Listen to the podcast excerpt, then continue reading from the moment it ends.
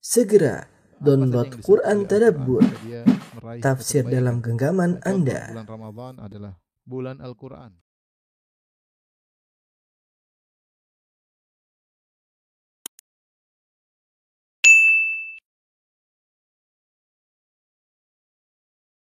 Bismillahirrahmanirrahim. Assalamualaikum warahmatullahi wabarakatuh.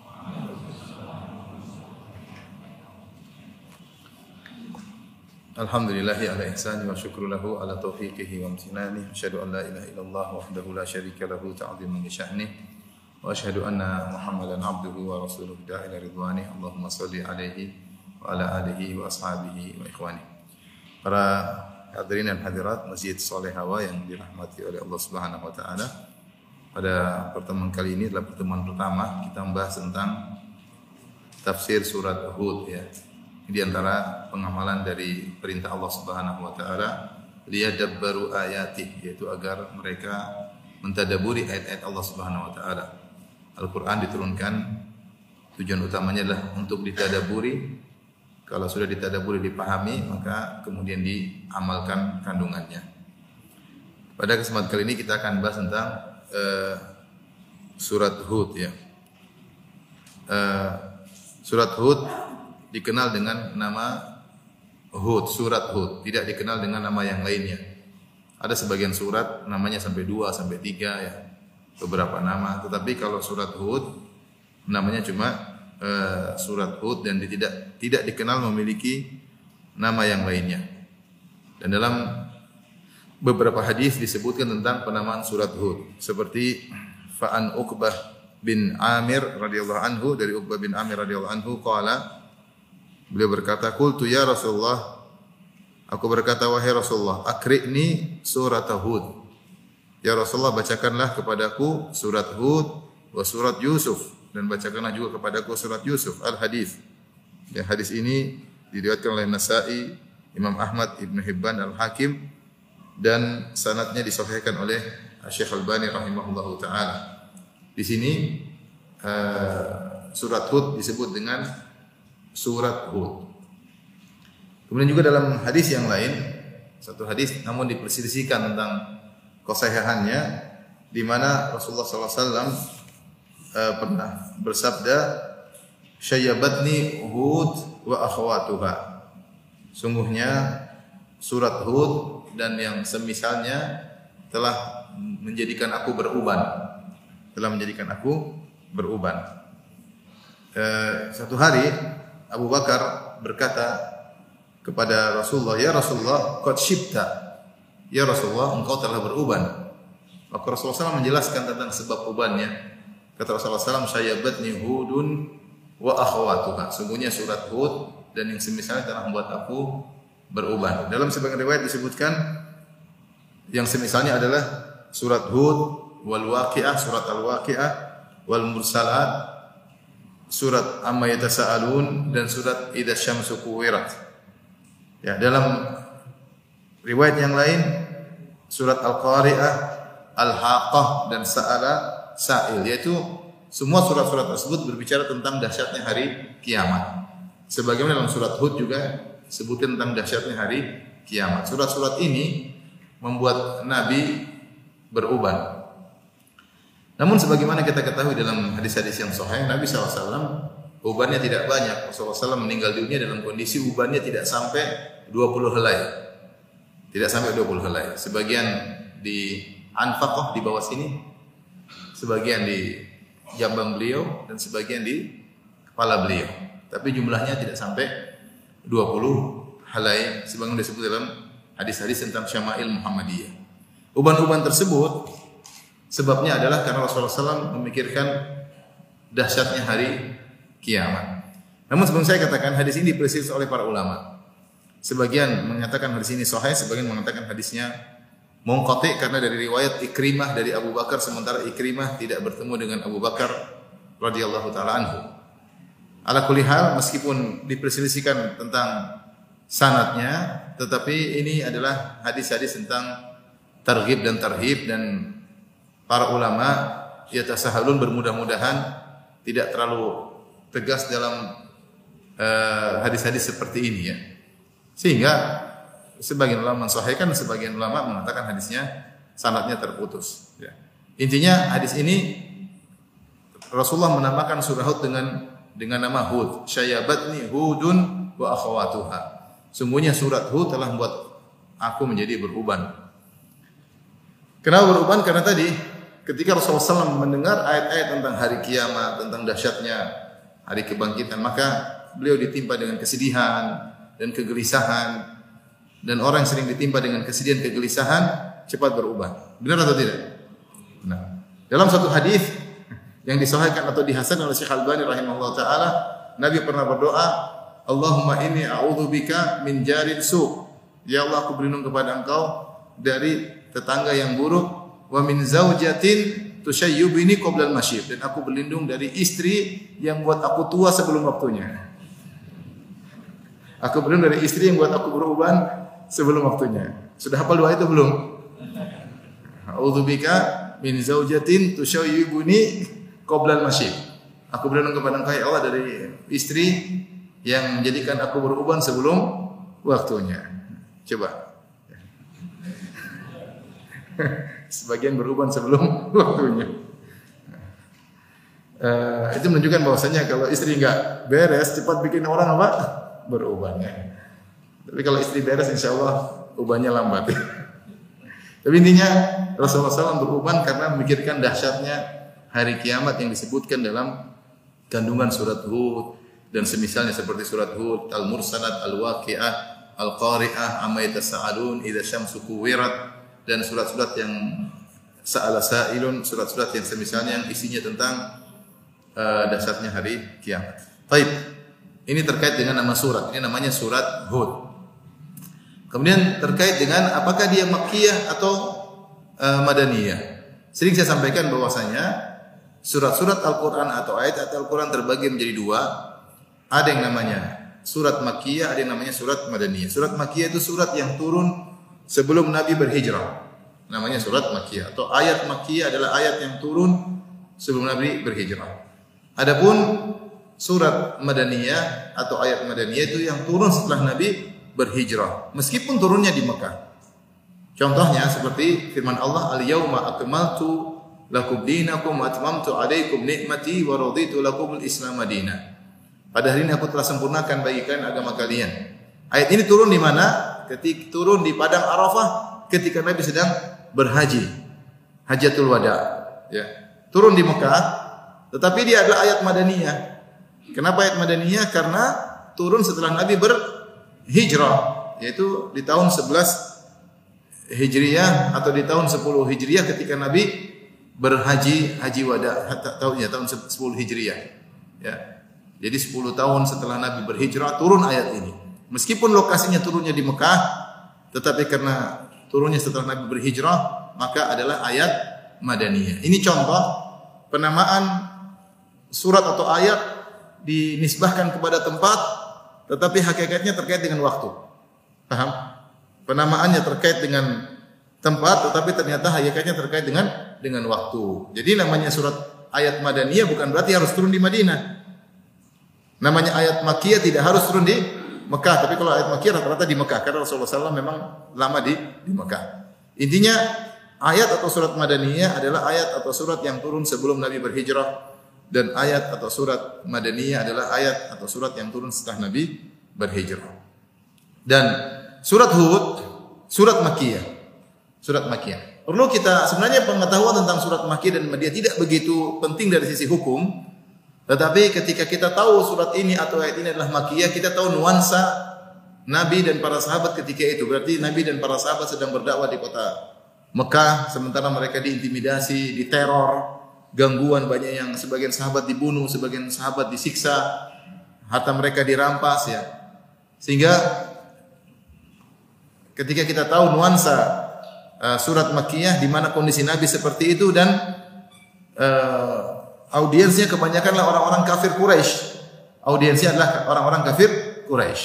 Dan ini adalah nuansa rata-rata surat-surat juz amma. Surat-surat juz amma itu rata-rata surat Makkiyah. Makanya pembahasannya topiknya tentang hari kiamat, tentang iman kepada uh, Al-Quran, tentang iman kepada Rasulullah sebagai seorang Rasul. Kenapa? Karena tiga perkara ini diingkari oleh orang-orang kafir Quraisy. Audiensnya adalah orang-orang kafir Quraisy. Berbeda ketika kita bahas tentang surat-surat Madaniyah atau ayat-ayat Madaniyah yang turun setelah Nabi berhijrah. Nuansanya tentang hukum-hukum karena audiensnya adalah para sahabat, kaum muhajirin, kaum ansar yang tinggal di kota Madinah. Nah, eh, surat Hud adalah surat Makkiyah turun ketika Nabi sedang di Mekah dan menghadapi uh, apa namanya Eh, kesulitan menghadapi gangguan dari orang-orang kafir Quraisy, maka para ulama mengatakan di antara fungsi surat Hud adalah tasliyah bagi Nabi. Tasliyah itu maksudnya pelipur lara bagi Nabi Shallallahu Alaihi Wasallam. Kenapa? Karena dalam surat Hud dikisahkan tentang kisah Nabi-Nabi yang ditolak oleh kaumnya, seperti kisah Nabi Hud, seperti kisah Nabi Nuh, sehingga menjadi pelipur lara bagi Nabi Shallallahu Alaihi Wasallam bahwasanya bukan kamu yang pertama kali ditolak oleh kaummu. Semuanya telah berlalu nabi-nabi sebelum engkau yang mereka juga ditolak oleh kaumnya, diusir oleh kaumnya, dihinakan oleh kaumnya.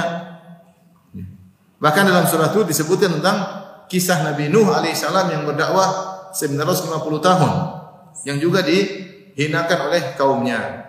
Makanya ketika Allah Subhanahu wa taala menyebutkan kisah Nabi Nuh. Dalam surat Hud Allah mengatakan setelah Allah menyebut kisah Nabi Nuh kata Allah wasbir innal aqibata lil muttaqin.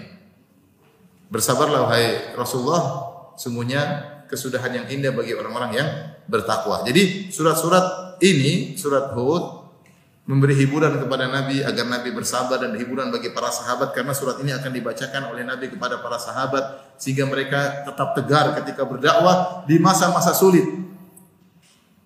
Ketika ada kisah nabi-nabi terdahulu yang juga pernah mengalami apa yang mereka rasakan sekarang ini menjadikan mereka semakin bersabar. Makanya di antara tujuan utama dari surat Hud adalah tasliyah yaitu pelipur lara bagi Rasulullah sallallahu alaihi wasallam. Nah, apakah seluruh ayat dalam surat Hud adalah makkiyah? Sebagian surat ada yang langsung turun sekaligus seperti Al-Fatihah. Ya, seperti surat Al-Asr terutama surat-surat pendek. Terbagi sebagian surat enggak. Turun sebagian, nanti sebagiannya di waktu yang lain. Contoh surat Al-Alaq. Surat yang pertama kali turun kepada Nabi. Iqra bismi rabbikal ladzi khalaq. Yang pertama turun cuma lima ayat. Iqra bismi rabbikal ladzi khalaq. Khalaqal insana min 'alaq. Iqra wa rabbukal akram. Alladzi 'allama bil qalam. 'allamal insana ma lam ya'lam. Kemudian berhenti. Kemudian banyak kejadian-kejadian baru turun ayat-ayat berikutnya nanti belakangan. Sama seperti surat Al-Baqarah tidak semua gelondongan turun sekaligus tidak. Sebagian turun nanti belakangan diselipi dengan surat-surat yang lain, baru kemudian ada ayat yang lain. Makanya untuk urutan ayat dalam Al-Qur'an maka itu adalah wahyu dari Allah. Nanti turun ayat Rasulullah mengatakan, "Ijal hadhihi, jadikan ayat ini di bawah ayat ini. Jadikan ayat ini di bawah ini." Rasulullah yang tentukan. Rasulullah yang tentukan. Jadi tidak semua surat gelondongan langsung turun sekaligus. Sehingga ada kemungkinan surat dalam surat tersebut ada ayat makiyah, ada ayat madaniyah. Itu mungkin terjadi. Contohnya sebenarnya Allah mengatakan seperti surat Hud. Surat Hud asalnya ayat surat makiyah. Artinya seluruh ayat dari awal sampai akhir sepakat para ulama makiyah. Cuma mereka khilaf tentang tiga ayat. Tentang tiga ayat yaitu ayat yang eh, 12, ayat 17, ayat 114. Tiga ayat ini apakah makiyah atau madaniyah ada khilaf. Terutama firman Allah Subhanahu wa taala, "Wa aqimis salata tarafayil nahari wa zulafan minal laili. Innal hasanati yudhibna sayyi'at, dzalika dzikra lidzakirin." Ayat ini banyak ulama mengatakan di ayat madaniyah karena turun ayat ini ketika kasus seorang sahabat di kota Madinah yang mencembui seorang wanita, tidak digauli, kemudian dia takut ketakutan, kemudian datang kepada Nabi dia berkata, "Ya Rasulullah, akim alayya haddan, ya Rasulullah tegakkanlah hukum had bagiku."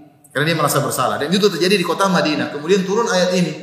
Wa aqimis salata tarafayn nahari wa minal lail. Dirikanlah salat di penghujung hari, pagi, eh, petang maupun sore hari, ya.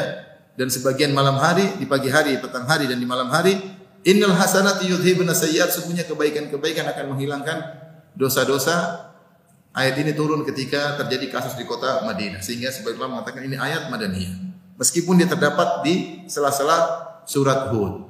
Intinya, ikhwan akhwat yang Allah Subhanahu wa taala, surat Hud secara totalitas secara asal adalah surat Makkiyah kecuali ada beberapa ayat yang diperselisihkan di antaranya adalah ayat yang tadi saya sebutkan. Baik. Kita masuk pada uh, ayat pertama ya. Allah Subhanahu wa taala berfirman Alif Lam Ra. Ini disebut dengan al-huruf al-muqatta'ah, yaitu huruf-huruf yang dibaca per huruf bukan sebagai kata. Makanya dibacanya bukan alif seperti alif lam mim tidak dibaca alam, tapi alif lam mim dibacanya per per huruf. Ya. Seperti toha tidak dibaca toh misalnya. Bacanya bukan sebagai kata, terbagi sebagai tapi sebagai huruf. Alif lam mim sad, sad qaf. Uh, alif lam mim sad ya. Yasin bukan dibaca yas tapi yasin. Para ulama khilaf tentang maksud daripada ayat-ayat yang seperti ini al-huruf al-muqatta'ah. Namun pendapat yang lebih kuat Allah alam bisawab dia tidak ditafsirkan sebagai suatu kata karena dia adalah dibaca per huruf. Dibaca per huruf, bukan dibaca sebagai apa? kata. Seandainya dibaca sebagai kata, maka mungkin bisa ditafsirkan. Mungkin bisa ditafsirkan. Ada yang mengatakan singkatan dari beberapa kata-kata, tapi intinya pendapat yang lebih kuat ayat-ayat tersebut yang disebut dengan al-huruf al-muqatta'ah, huruf-huruf yang dibaca per huruf yang didatangkan di awal-awal surat fungsinya adalah sebagai peringatan kepada orang-orang kafir Quraisy bahwasanya Al-Qur'an diturunkan dengan huruf-huruf hijaiyah yang kalian mahir tentang huruf-huruf tersebut dan kalian berbicara dengan huruf-huruf tersebut tapi kalian tidak mampu untuk mendatangkan semisal Al-Qur'an. Jadi seperti alif lam mim. Kalian orang-orang Quraisy, Abu Jahal, Abu Lahab, Al-Walid bin Mughirah, Nadr bin Harith, Utbah bin Rabi'ah, Syaibah bin Rabi'ah semuanya bisa baca huruf hijaiyah. Tetapi mereka tidak mampu mendatangkan semisal Al-Qur'an. Sehingga ini semakin menguatkan bahwasanya Al-Qur'an itu bukan karangan Muhammad. Ya, bukan karangan Muhammad, tapi dia dari firman Allah Subhanahu wa taala. Jadi huruf-huruf muqatta'ah tersebut sebagai peringatan Al-Qur'an adalah mukjizat dari Allah Subhanahu wa taala. Dan Ibnu Katsir rahimahullah dalam kitabnya Al-Bidayah wa Nihayah menyebutkan demikianlah banyak nabi-nabi yang Allah turunkan mukjizat kepada mereka terkait dengan sesuatu yang lagi viral atau booming ketika zaman tersebut. Contohnya Nabi Isa alaihissalam diutus di zaman ketika itu lagi viral masalah pengobatan. Orang lagi booming tentang pengobatan.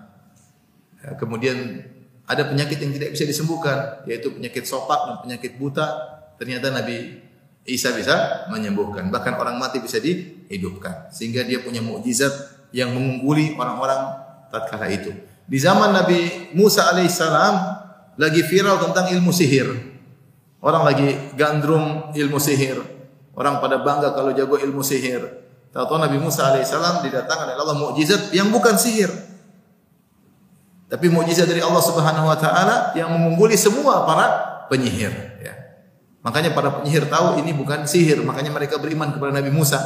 Karena apa yang dibawa oleh Nabi Musa alaihissalam mengungguli sihir dan bukan sihir. Sesuatu yang seperti sihir tapi bukan sihir. Dia mengungguli apa? Sihir. Kemudian juga seperti Nabi Yusuf alaihissalam. Nabi Yusuf alaihissalam diutus di zaman lagi gandrung tafsir mimpi. Banyak orang yang pandai menafsirkan mimpi. Tetapi tidak ada yang menafsirkan mimpi 100% benar. Pasti ada salah-salahnya. Kadang benar, kadang salah. Mungkin 80% benar, 20% salah. Tetapi Nabi Yusuf alaihissalam diajarkan oleh Allah.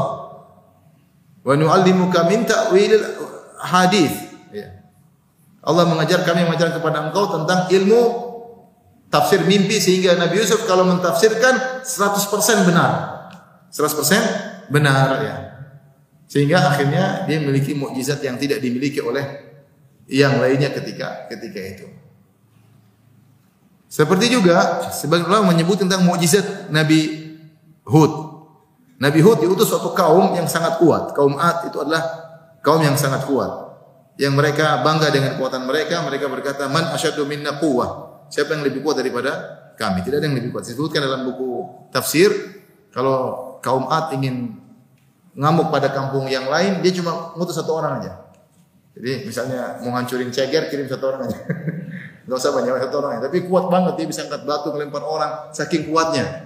Sampai dia mengatakan man asyaddu minna kuat. Siapa yang lebih kuat daripada kamu? Tapi Nabi Hud pernah tantang mereka dan mereka tidak bisa mencelakakan Nabi Hud. Nabi Hud sendirian kata Nabi Hud fakiduni jami'an thumma la tunzirun. Kalian seluruhnya kumpul bikin masalah sama saya dan tidak usah tunggu-tunggu.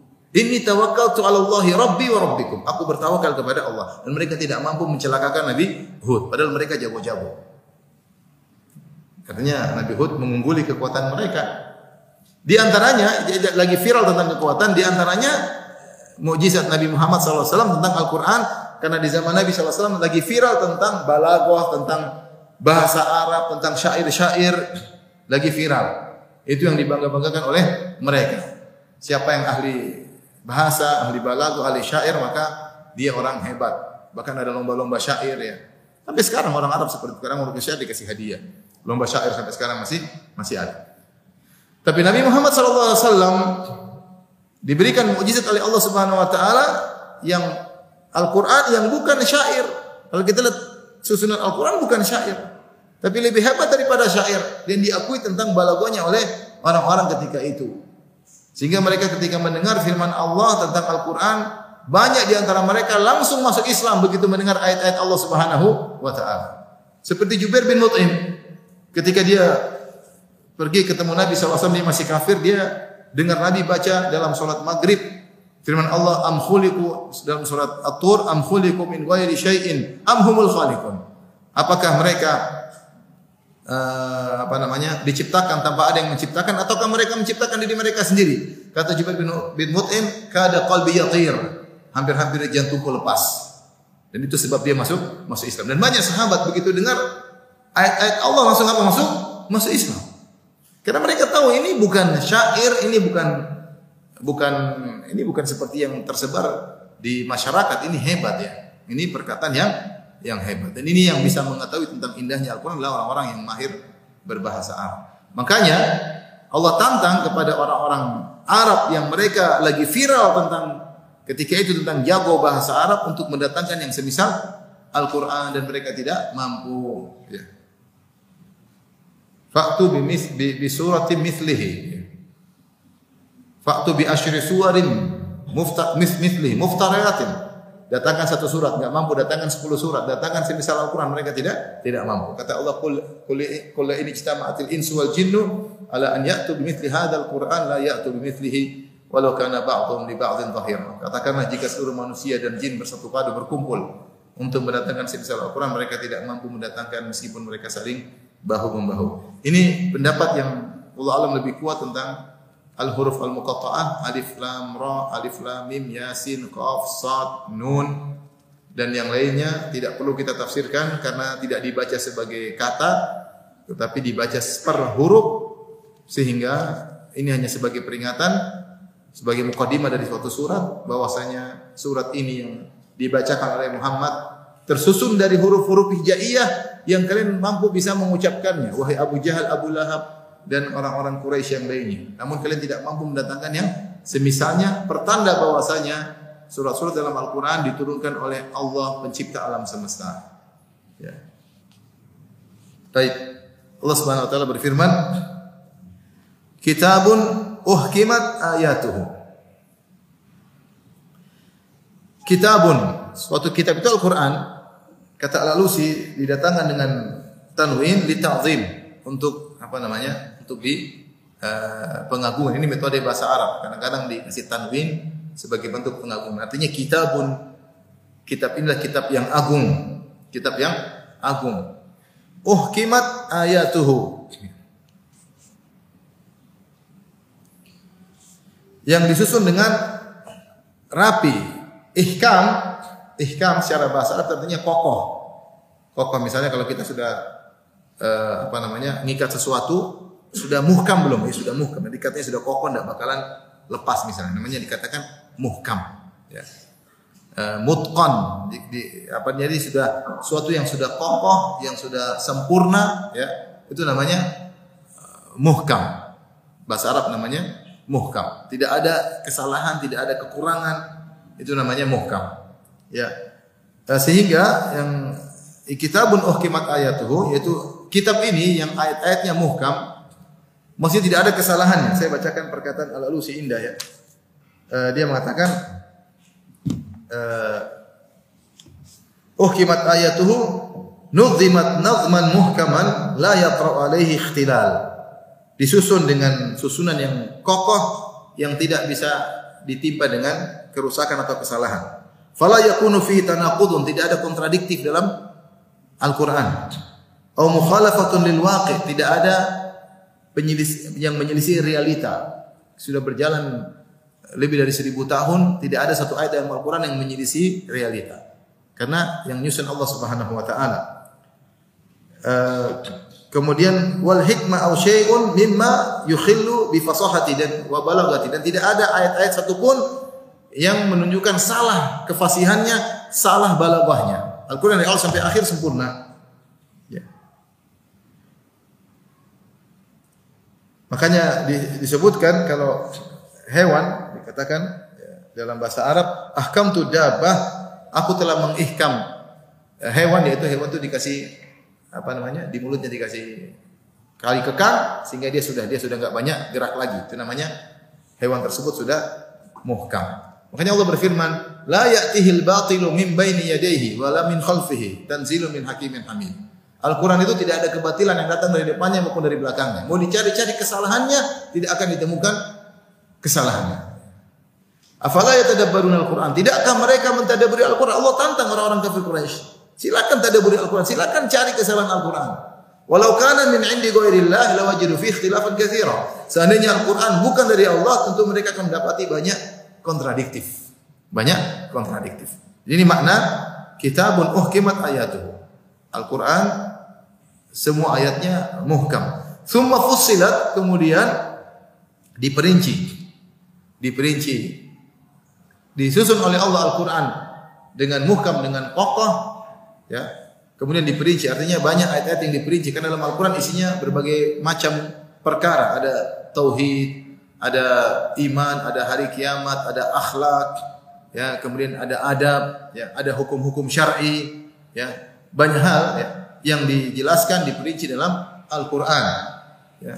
Hukum-hukum yang terkait tentang uh, kemasyarakatan, hukum terkait dengan kenegaraan, kisah-kisah terdahulu, pelajaran-pelajaran dari kisah-kisah terdahulu, perkara-perkara sosial, Al-Qur'an luar biasa. Siapa yang baca dalam sampai dia tahu bahwasanya perinciannya luar luar biasa. Semua permasalahan yang kita hadapi sudah ada jawabannya di Al-Qur'an. Tentunya Al-Qur'an membutuhkan tafsirnya itu hadis-hadis Nabi SAW. Ya. Tapi dia adalah kitab yang Allah susun secara bahasa kita mutqan, muhkam, profesional yang terus berlaku sampai hari kiamat kelak. Kita tidak butuh ayat-ayat baru, enggak butuh. Kita enggak butuh ayat-ayat apa? Baru. Makanya di antara kehebatan Al-Qur'an semua permasalahan ada di Al-Qur'an. Ya, semua permasalahan ada di Al-Qur'an. Kaidah-kaidah sudah termaktub dalam Al-Qur'an. Suma fusilat kemudian diperinci ayat-ayat tersebut milladun hakimin khabir yang turun dari Allah yang hakim yang maha bijak dan khabir. Hakim maknanya adalah meletakkan suatu pada tempatnya di antara makna hakim. Meletakkan suatu pada tempatnya. Karena Allah hakim, semua keputusan Allah pasti bijaksana. Di antara makna hakim juga yaitu tidaklah Allah melakukan sesuatu kecuali ada hikmah di balik itu. Tapi maksud di sini hakim adalah meletakkan sesuatu pada tempatnya sehingga seluruh ayat yang Allah turunkan semuanya tepat pada tempatnya. Semua hukum yang Allah turunkan tepat pada tempatnya. Jadi pas. Itulah hakim. Khabir maknanya adalah al-alim yang maha mengetahui. Tetapi Sering Allah menggunakan kata khabir terkait dengan pengetahuan yang detail. Pengetahuan yang yang detail. Jadi sifat ilmu adalah sifat yang uh, umum, sifat khibrah sifat yang lebih spesifik yaitu ilmu tentang perkara-perkara yang detail. Kalau bahasa kita kalau dikatakan seorang khabir itu orang yang pakar ahli. Ini khabir ini. Pakar ahli. Kenapa? Dia tahu perkara-perkara detail. Dia tahu perkara-perkara detail. Artinya apa? Wajar jika Al-Quran itu muhkam, kokoh, tidak ada kesalahannya sama sekali. Karena yang menurunkannya adalah zat yang maha bijak dan maha khabir. Dia tahu apa yang terjadi dari awal sampai akhir. Dia tahu seluruh tentang makhluknya. Dia tahu sifat-sifat makhluk yang dia ciptakan. Sehingga dia turunkan kitab suci yang cocok buat mereka dari sampai hari kiamat. Ya Allah jelaskan namanya taklil, penjelasan. Kenapa Al-Quran adalah kitab yang muhkam, yang kokoh, tidak mungkin ada kesalahannya. Karena yang menurunkannya adalah zat yang maha khabir. Kalau orang membuat sesuatu tapi ilmunya kurang, sering ada missnya, ada kesalahannya. Eh, tahu-tahu aduh keliru. Tahu-tahu miss, tahu-tahu tidak pas, harus dirubah lagi, harus revisi lagi. Sifat manusia. Kenapa demikian? Karena ilmunya kurang. Kalaupun dia punya ilmu secara global tidak detail, sehingga terkadang dia miss pada perkara-perkara detail. Itu baru terkait zaman sekarang. Ternyata lima tahun berikutnya sudah tidak cocok lagi. Kenapa ilmunya hanya terkait zaman sekarang? Dia tidak punya ilmu tentang masa depan. Sehingga produk-produk yang yang dia buat hanyalah muhkam pada waktu tertentu di zaman tertentu. Tapi ketika Allah Subhanahu wa taala yang Maha mengetahui segalanya, makhluknya secara detail sampai hari kiamat dia tahu secara detail apa yang terjadi segalanya, maka dialah yang lebih mengetahui tentang hukum ayat-ayat yang pas turun bagi manusia. Makanya hukum yang berhak hanyalah Allah Subhanahu wa taala. Lihatlah hukum-hukum yang dibuat oleh manusia. Revisi, di demo, ribut lagi, tambahin, kurang lagi, namanya hukum manusia. Tidak cocok lagi, ya. Diinjak-injak terkadang, terkadang diangkat lagi, begitulah hukum. Karena yang membuatnya penuh dengan kejahilan. Yang buatnya penuh dengan kejahilan, penuh dengan hawa nafsu. Beda dengan ayat-ayat yang Allah turunkan. Karena Allah adalah hakim dan khabir. Ketika Allah berfirman, atau sudah? Sudah cukup? Hah?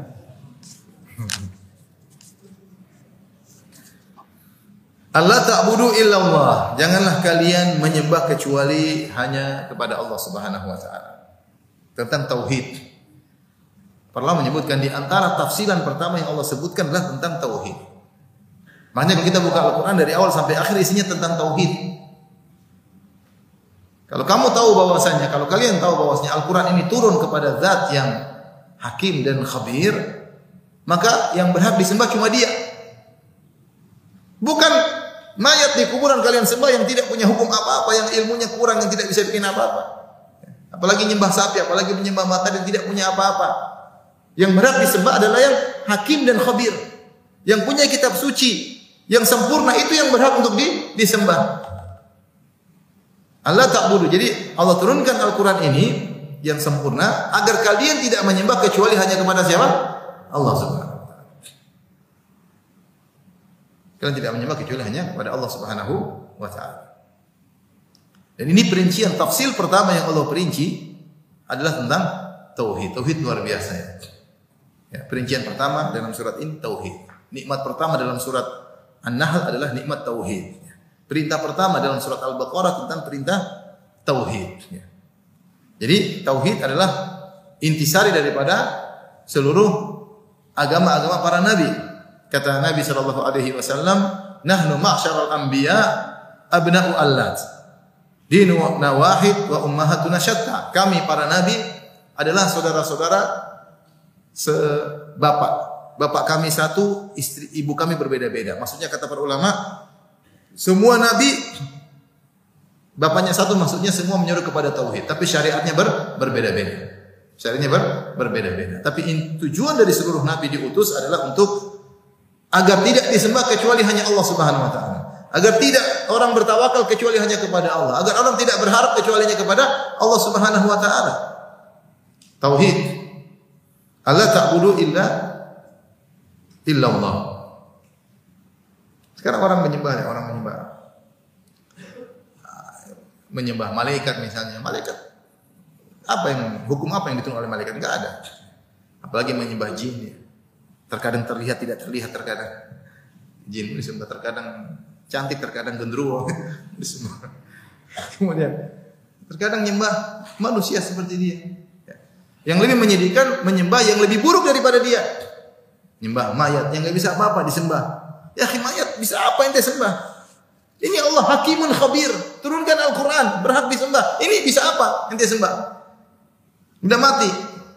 Mau disembah. Mau wali, mau nabi. Udah mati selesai. Mau apa? Tidak bisa apa-apa. Kata Abu Bakar ketika Rasulullah SAW meninggal dunia, "Man kana ya'budu Muhammadan fa inna Muhammadan qad mat." Siapa yang menyembah Muhammad, Muhammad mati. Wa man kana ya'budu Allah, siapa yang menyembah Allah, fa inna Allah hayyun la yamut. Sungguhnya Allah Maha hidup dan tidak akan mati. Tapi lebih lagi menyembah hewan. Subhanallah, menyembah sapi, menyembah tikus, menyembah. Ada sebagian negara ya di tanah di dunia ini, suatu negara yang disebutkan bahwasanya Tuhannya lebih banyak daripada penduduknya. Tuhannya lebih banyak daripada penduduknya. Hewan-hewan dia sembah. Monyet disembah, tikus disembah, sapi disembah, ini disembah, luar biasa. Lebih banyak Tuhannya daripada penduduknya. Aneh bagaimana menyembah sesuatu yang lebih hina daripada dirinya. Inilah tujuan utama Al-Quran diturunkan dengan diperinci dan ini perincian pertama Allah ta'budu illallah. Jangan kalian menyembah kecuali hanya kepada Allah Subhanahu wa taala. Innani lakum minhu nadhiru wa bashir. Sungguhnya aku ini adalah pemberi peringatan bagi kalian dan beri kabar gembira bagi kalian. Aku beri peringatan kalau kalian tidak bertauhid. Kalau kalian menyimpang melanggar larangan-larangan Allah, aku beri peringatan kepada kalian tentang adab yang pedih. Wa bashir dan aku beri kabar gembira kepada kalian barang siapa yang bertauhid dan taat kepada Allah maka dia akan mendapatkan kenikmatan duniawi dan juga kenikmatan ukhrawi. Ya. Ini fungsi utama Nabi Muhammad SAW. Nadir wa bashir. Beri, memberi peringatan dan memberi kabar kabar gembira. Ya. Ini uh, metode harusnya diikuti oleh para dai. Para dai juga menggabungkan di antara dua metode ini, targib dan tarhib, memberi peringatan, memberi kabar gembira. Jangan sampai kajian cuma memberi peringatan melulu. Mengerikan bid'ah syirik, bid'ah syirik melulu nggak ada. nggak ada tentang bidadari. Kajiannya mengerikan melulu ya, ini juga nggak benar. Sebenarnya juga jangan kajian juga senang-senang melulu. Keutamaan ini, keutamaan ini, keutamaan anu, keutamaan tidak pernah beri peringatan. Ya. Umat butuh kepada peringatan dan butuh kepada kabar kabar gembira. Itulah metode Nabi Muhammad sallallahu alaihi wasallam. Baik, setelah itu Allah berfirman, "Wa anistaghfiru rabbakum." Hendaknya kalian beristighfar kepada Rabb kalian. Tsumma tubu ilaih. Kemudian bertobatlah kepada Allah Subhanahu wa taala. Yumatti'kum mata'an hasanan. Ya, jika kalian bertobat dan beristighfar, niscaya Dia akan memberikan kenikmatan yang baik. Mata'an itu kesenangan, hasanan yang baik ila ajalin musamma sampai pada waktu yang ditentukan. Wa yu'ti kulladzi fadlin fadlah. Dan uh, akan memberikan kepada tiap-tiap orang memiliki keutamaan balasan keutamaannya. Wa in tawallau jika kalian berpaling fa inni akhafu alaikum adzab yaumin kabir. Maka aku khawatir akan menimpa kalian azab di hari yang besar. Ila Allahi marji'ukum kepada Allah tempat kembali kalian atau kepada Allah kalian akan kembali wa huwa ala kulli syai'in qadir dan dia maha kuasa atas segala sesuatu. Baik, kita lanjutkan. Allah berfirman, wa anistaghfiru rabbakum tsumma tubu ilaihi. Beristighfarlah kemudian bertobat. Di sini isyarat bahwasanya beda antara istighfar dengan tobat. Antara istighfar dengan tobat. Karena Allah mengatofkan, menggandengkan dengan kata summa kemudian. Beristighfarlah kemudian ber, bertobat. Apa bedanya istighfar dengan tobat? Ada beberapa perbedaan antara istighfar dengan taubat. Secara bahasa istighfar artinya meminta untuk siter, untuk ditutup dosa-dosa yang dilakukan dan agar dampak dosa tidak mengenai seseorang. Itu namanya uh, istighfar, yaitu tolabul maghfirah. Istighfar artinya tolabul maghfirah, minta maghfirah. Maghfirah secara bahasa diambil dari mikfar. Mikfar adalah helm yang dipakai prajurit ketika bertempur. Yang helm ini fungsinya dua menutup kepala, yang kedua menghadang dari hantaman senjata musuh. Sehingga ketika seorang mengatakan astagfirullah, maknanya ya Allah aku mohon kepada Engkau tutuplah dosa-dosaku, jangan kau umbar dosa-dosaku, jangan kau umbar aibku di dunia apalagi di akhirat dan saya pelaku dosa ya Allah. Tutuplah sebagaimana helm yang menutup kepala prajurit. Yang kedua, jangan kau timpakan kepadaku dampak dosa tersebut. Sehingga dampak tersebut ketika akan menimpaku tertangkis dengan istighfarku sebagaimana helm yang dipakai oleh seorang prajurit ketika dihantam oleh apa pedang musuh tidak akan mengenai dia, dampaknya tidak terkena. Karena dosa itu pasti ada dampaknya, pasti. Dosa itu pasti ada dam dampaknya. Apakah mengenai jasad kita, mengenai ekonomi kita, mengenai hati kita. Ya, terkadang orang lupa disangka bahwasanya dampak dosa hanya sekedar jasad ekonomi tidak terkadang mengenai hati kita. Ya, jadi malas beribadah, jadi tertawan dengan nafsu dan syahwat misalnya itu semua dampak daripada dosa. Oleh karenanya ketika kita mengatakan astagfirullah yaitu ya Allah aku mohon maghfirah kepada engkau yaitu tutuplah segala aibku jangan kau umbar di dunia terlebih lagi di akhirat. Yang kedua, jangan sampai ada dosa yang aku lakukan berdampak pada diriku. Itu namanya istighfar. Adapun secara bahasa taubat dari tab yaitu dari roja yaitu kembali kembali kepada Allah Subhanahu wa taala. Jadi secara bahasa juga berbeda. Secara bahasa berbeda. Ini perbedaan pertama. Perbedaan kedua istighfar adalah tolak meminta. Aku minta. Adapun taubat adalah kabar. Kabar bahwasanya saya sudah kembali kepada Engkau ya Allah dengan meninggalkan dosaku. Bedanya di mana? Bedanya orang istighfar bisa jadi dia tidak bertobat. Bisa jadi dia masih bermaksiat tapi dia astagfirullah. Bisa atau tidak? Bisa. Karena dia sedang jadi istighfar itu bagian daripada doa.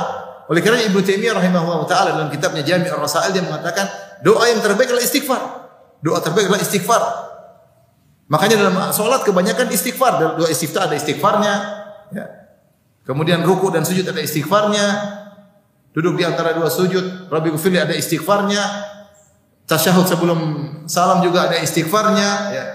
Jadi setelah sholat juga apa? Astagfirullah, astagfirullah, astagfirullah. Doa yang terbaik adalah istighfar. Makanya Nabi paling sering melazimi istighfar. Jadi istighfar bagian daripada doa. Beda dengan taubat. Taubat adalah kabar tentang kondisi seseorang. Ya Allah saya bertobat. Maksudnya apa? Ya Allah saya meninggalkan maksiat dan saya kembali kepada Engkau. Beda atau tidak? Beda. Ini beda kedua. Jadi istighfar tolak memohon doa taubat adalah uh, kabar tentang kondisi seorang. Yang ketiga tadi namanya orang istighfar bisa jadi dia masih berdosa.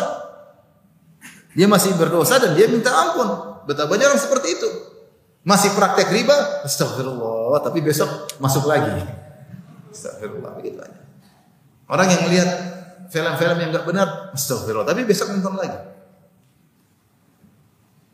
Dia minta ampun kepada Allah.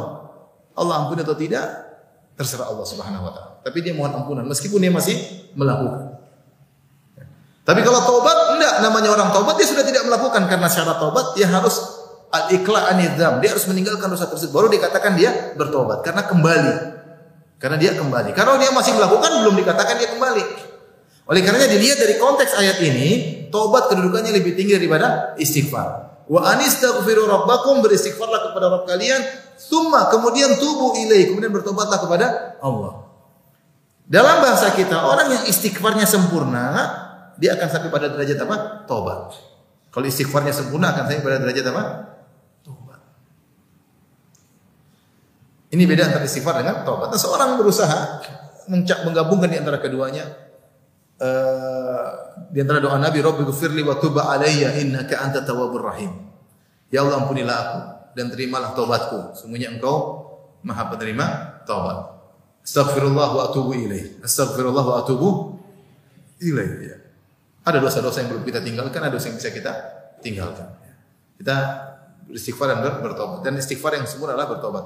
Dan makna wa tuba alayya, Rabbi ghfirli wa tuba alayya, ya Rabbku, ampunilah aku, istighfarlah apa aku beristighfar kepadamu, wa tuba alayya dan berilah tobat kepadaku dua makna. Kalau kalau seorang sudah bertobat, maka terimalah tobatku ya Allah maknanya. Kalau dia belum bertobat ya Allah ilhamkan kepada aku agar aku bisa bertobat aku masih ter tertawan oleh maksiat ini aku belum bisa meninggalkannya. Semua maksiat sudah aku tinggalkan ya Allah kecuali rokok belum bisa misalnya semua maksiat sudah aku tinggalkan kecuali nonton film aku belum bisa bulan Ramadan masih nonton film ya belum bisa waktu ya Allah ilhamkan aku untuk apa ber bertobat kita masing-masing ada dosa yang belum kita bisa tinggalkan ada. Ada ya, macam-macam masing-masing punya dosa sendiri-sendiri. Ya. Ada sebagian wanita masya Allah baik semuanya tapi suka angkat suara sama suaminya. Itu dosa belum bisa ditinggalkan. Makanya dia bilang apa? Wa tuba alayya. Ya Allah, terimalah, buatkan aku bertobat agar aku tidak menjadikan suamiku, suamiku cepat tua. Tinggal ngangkat suara melulu. Saya mau cerita satu kisah tapi tidak usah lah. Baik. Wa anistaghfir rabbakum tsumma tubu ilaihi. Apa manfaatnya? Kata Allah, yumatikum mata'an hasanan ila ajalin musamma. Kalau kalian istighfar dan bertobat, Allah akan berikan kepada kalian mataan, kesenangan, hasanan yang indah ila ajalin musamma sampai pada waktunya. Jadi istighfar dan tobat bukan hanya mendatangkan keuntungan ukhrawi, tapi duniawi juga dapat. Duniawi juga apa? Dapat. Di antaranya dalilnya ini. Seperti dalam surat Nuh juga, Ya qul tastaghfiru rabbakum innahu kana ghaffara yursilis samaa 'alaikum midrara yumdidukum bi amwalin wa banin wa ja'alakum jannatin wa ja'alakum anhara. Bertobatlah kepada Allah niscaya Allah akan turunkan kepada kalian hujan yang deras yang berkah. Allah akan berikan kalian anak yang banyak, Allah akan berikan rezeki yang banyak, Allah akan bukakan sungai-sungai bagi kalian, Allah akan tumbuhkan bagi kalian tumbuhan. Ya. Istighfar mendatangkan keuntungan dunia bukan cuma ukhrawi. Di antaranya Allah sebutkan secara global yumatikum mataan hasanan. Allah akan berikan kepada kalian kesenangan yang indah bagi orang yang bertobat. Orang yang bertobat dia pasti merasakan kebahagiaan pasti. Entah hartanya banyak atau sedikit, kalau dia sering bertobat, sering beristighfar, mengakui kesalahannya, dia pasti mataan hasan, dia pasti bahagia. Pasti. Kami mengatakan, Ustaz saya sudah istighfar melulu, nggak ada duit. Mungkin ada yang bilang begitu. Katanya Ustaz kalau sering istighfar, sering tobat banyak duit. Tidak harus. Tapi pasti kamu bahagia. Kalau istighfarmu benar, tobatmu benar, pasti kamu apa? Ada mataan hasanah, ada kesenangan yang yang indah duniawi, belum apa? Belum akhirat.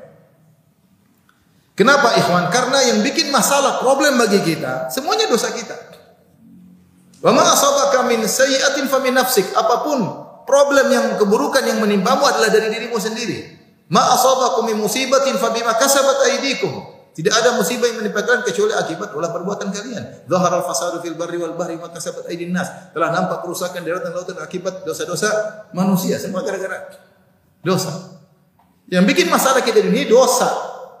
Di dunia, apalagi di alam barzah, apalagi nanti di akhirat kelak.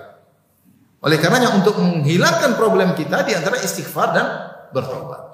Istighfar dan bertobat. Nah, kalau orang sering beristighfar dan bertobat, maka Allah akan berikan bagi dia kesenangan mata yang indah. Yang indah. Tetapi Allah ingatkan, ila ajalin musamma. Sampai pada waktunya itu kalian akan meninggal dunia. Kalian jangan benar diberikan kenikmatan dunia, tapi kenikmatan duniawi itu hakir, hina. Sebagian ahli tafsir mengatakan Allah menggunakan lafal mata, bana itu kan artinya barang, barang yang akan expire.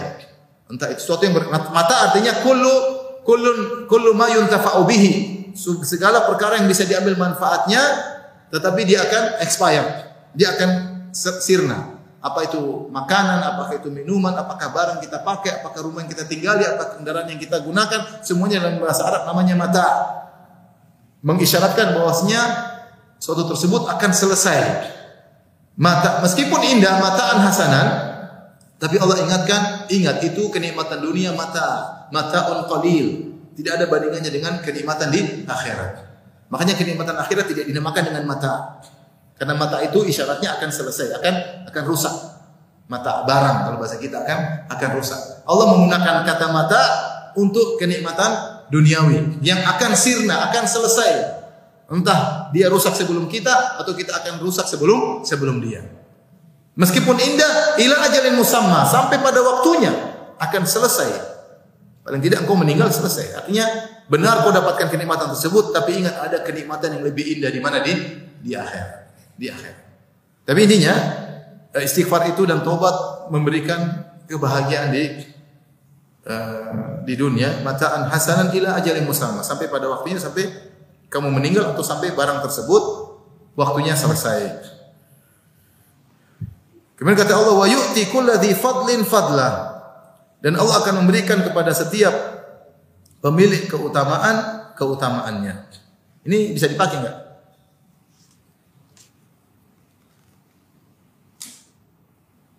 Wa yu'ti kulla di fadlin fadlahu. Bisa kelihatan? Hah? Enggak. Enggak kelihatan. Enggak bilang dari tadi ya sudah tulis panjang. Wa yu'ti kulli fadlin fadlah. Ya. Dan Allah memberikan dia ada dua tafsiran dari kalangan kalangan mufassirin. Yang pertama wa yu'ti kulli fadlin fadlah artinya Allah memberikan pada setiap orang yang memiliki keutamaan balasan keutamaannya. Artinya seorang memiliki keutamaan dalam harta atau dia sedekah Allah akan berikan balasannya. Ada orang memiliki keutamaan dalam dakwah Allah akan berikan balasannya di di dunia maupun di akhirat. Ada orang yang memiliki keutamaan dalam kata-katanya lembut, tidak suka nyinyir. Rasulullah tidak ayah, Rasulullah itu bukan orang yang suka nyinyir orang. Suka merendahkan orang, nyinyir orang, menyebut kesalahan enggak. Maka dia akan dibalas oleh Allah. Kekebaikan apa pun yang dia miliki, baik dengan hartanya, baik dengan tenaganya, baik dengan pikirannya, baik dengan kata-katanya, baik dengan statusnya, semuanya akan Allah balas. Ini menunjukkan bahwasanya Allah detail ketika membalas kebaikan. Wa yu'ti kulladzi fadlin fadlah. Allah akan memberi balasan tersebut secara detail. Ada yang mengatakan ini balasan di akhirat secara detail akan ada di di akhirat. Ini pendapat pertama. Pendapat kedua wa yu'ti kulladzi fadlin fadla maksudnya fadlahu hunya kembali kepada Allah. Kalau tadi wa yu'ti kulladzi fadlin fadlahu domirha kembali kepada kulla kepada dzi fadlin kepada dzi fadlin pemilik yang tahu bahasa Arab ya Allah akan berikan pada setiap pemilik keutamaan balasan keutamaannya, balasan keutamaannya, nya ini kembali kepada orang itu.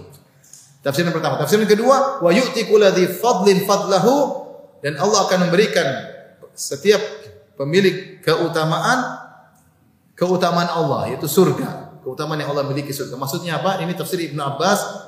Artinya barang siapa yang di akhirat kelak kebaikannya lebih banyak daripada keburukannya, maka Allah akan balas surga baginya. Fadlan maksudnya maksudnya adalah fadalat hasanatuhu sayyiatihi. Yaitu keutamaannya melebihi ke pahalanya melebihi dosanya. Bukankah dalam aturan Allah dalam mencatat kebaikan dan keburukan Siapa yang melakukan keburukan satu dicatat satu. Siapa yang melakukan kebaikan satu dicatat sepuluh. Dan seharusnya orang beriman seharusnya Kebaikannya lebih unggul daripada keburukannya karena dosa satu dihitung apa? Satu. Kebaikan satu dihitung apa? Sepuluh. Jadi kalau untuk menyamai di dalam timbangan, dia melakukan satu kebaikan sama dengan sepuluh dosa. Satu kebaikan dan sepuluh dosa. Kalau dia melakukan sepuluh kebaikan dengan sepuluh dosa, sepuluh kebaikan hitungannya seratus. Jadi dia unggul sembilan puluh di dalam timbangan. Karena satu kebaikan dilipat gandakan jadi berapa? Sepuluh itu minimal. Minimal sepuluh kali lipat. Bisa dia 700 kali lipat. Ila adafin kafir bisa lebih daripada daripada itu. Tapi kalau dosa satu saja, satu.